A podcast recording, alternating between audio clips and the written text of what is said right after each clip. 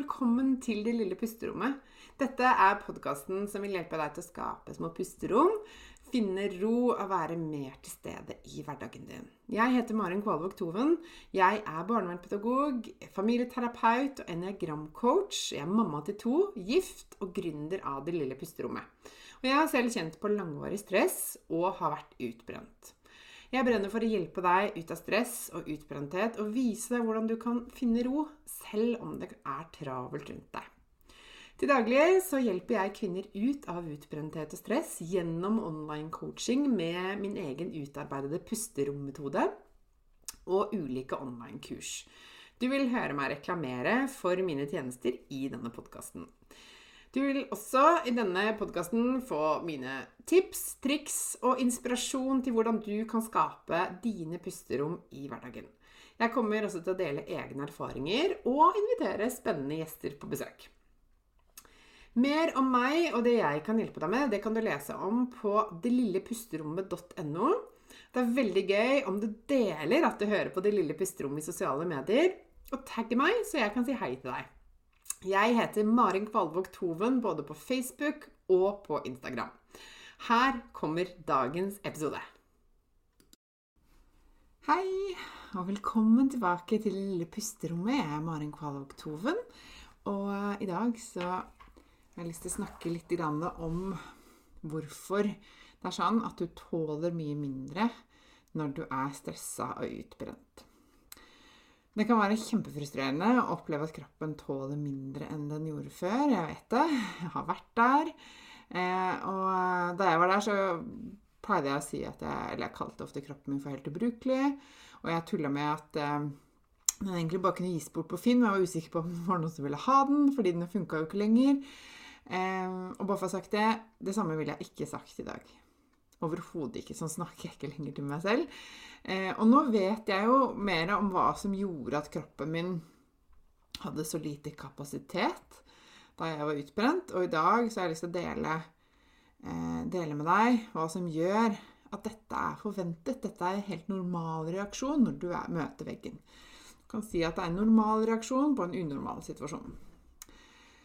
Fordi at når du lever med mye stress over lang tid, så går kroppen i det vi kaller for fight or flight. Altså kjemp eller flykt. Du har kanskje hørt det før. Den oppfører seg som om du er i fare. Selv om du egentlig er helt trygg, eh, så oppfører, kropp, oppfører kroppen seg som om du er i fare. Eh, stresshormonet kortisol det er til for at du skal kunne overleve, egentlig. Og det er veldig bra. Vi trenger det. Eh, men når vi går med det over lengre tid, altså et forhøyet kortisolnivå over lang tid, det er ikke meningen. Det som skjer da, det er at det går utover en del andre viktige funksjoner i kroppen, som f.eks. For fordøyelsen din, kjønnshormonene, eh, eller eh, evnen til å slappe av, f.eks.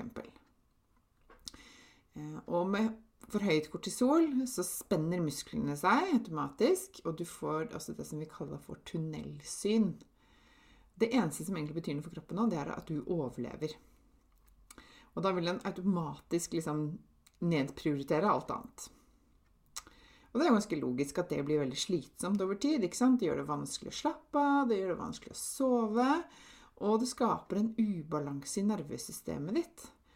Og du deg, befinner deg da i det som vi kaller for, eller det som heter det sympatiske delen av det autonome nervesystemet ditt. Da er du der store deler av tiden og en, en naturlig konsekvenser av det er jo at du blir sliten, utmatta, du mangler kreativitet.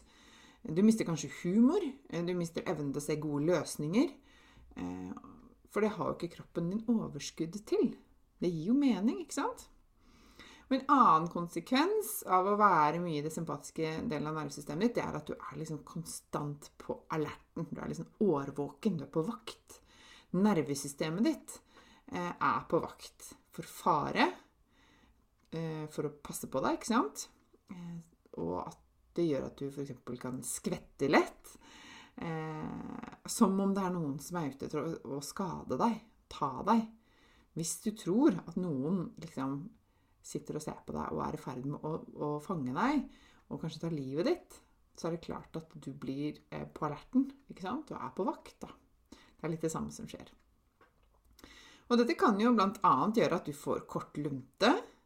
Har du kanskje opplevd, ikke sant? Det husker jeg hadde. Tålte veldig lite, ble veldig fort sint. Og at du overreagerer på bagateller som du kanskje ellers ville ha ledd av, tatt med et smil, eller kanskje til og med bare oversett. Det er akkurat som sånne små, egentlig ubetydelige detaljer plutselig blir kjempealvorlige.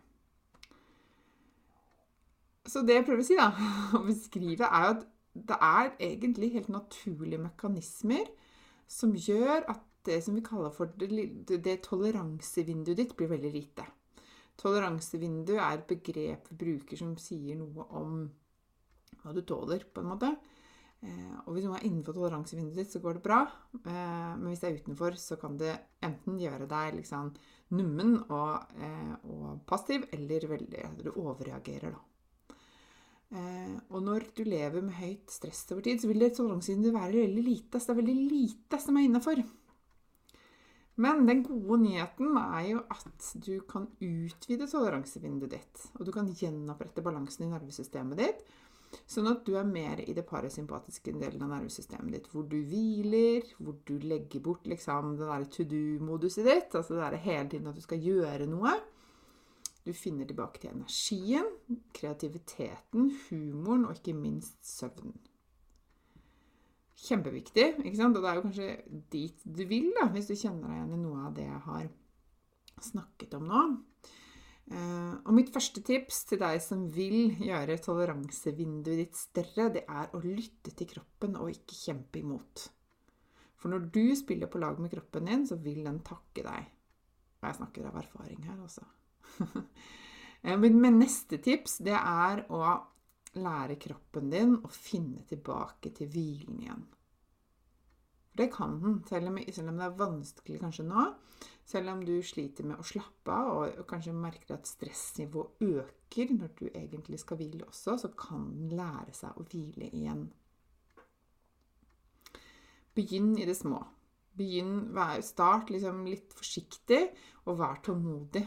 Selv om det tar tid, så vil kroppen din kunne lære å finne tilbake til balansen og kunne koble seg på hvilen igjen. Og noen måter å gjøre det på er f.eks. å gå en tur i naturen uten å ha noen forstyrrelser. Altså legge bort telefonen, ikke ha på noen lydbok eller podkast eller musikk. Bare være, rett og slett. Eh, og forsøke å få energi og koble av og hvile i naturen. Et annet tips er jo meditasjon, som du kanskje vet jeg har snakket mye om, som jeg er veldig glad i. Som er en fantastisk måte å gjenopprette balansen i nervesystemet ditt på, og koble seg på den effektive, gode hvilen som er helt avgjørende for at du skal utvide toleransevinduet ditt. Og hvis du er litt nysgjerrig på liksom, okay, hvordan kommer jeg i gang med meditasjon, det spørsmålet får jeg ganske ofte. Hva gjør jeg? Dette er ukjent for meg. Eh, hva skal til? Hvor komplisert er dette?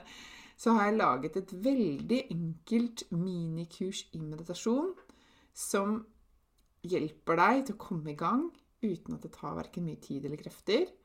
Eh, det er laget for at du som er helt ukjent med meditasjon, skal komme i gang. og det er veldig effektivt. Der får du alt du trenger. Både hvordan komme i gang, men også selvfølgelig alle lydfilene og ulike eh, varianter av det. Og du kan lese mer om det ved å klikke på linken som du finner i shownotes under denne episoden. Og så håper jeg at du blir motivert til å utvide ditt toleransevindu. Og rett og slett begynne å spille på lag med kroppen din og lytte til det den sier. Sånn at du kan kjenne at eh, du faktisk eh, også kan hvile.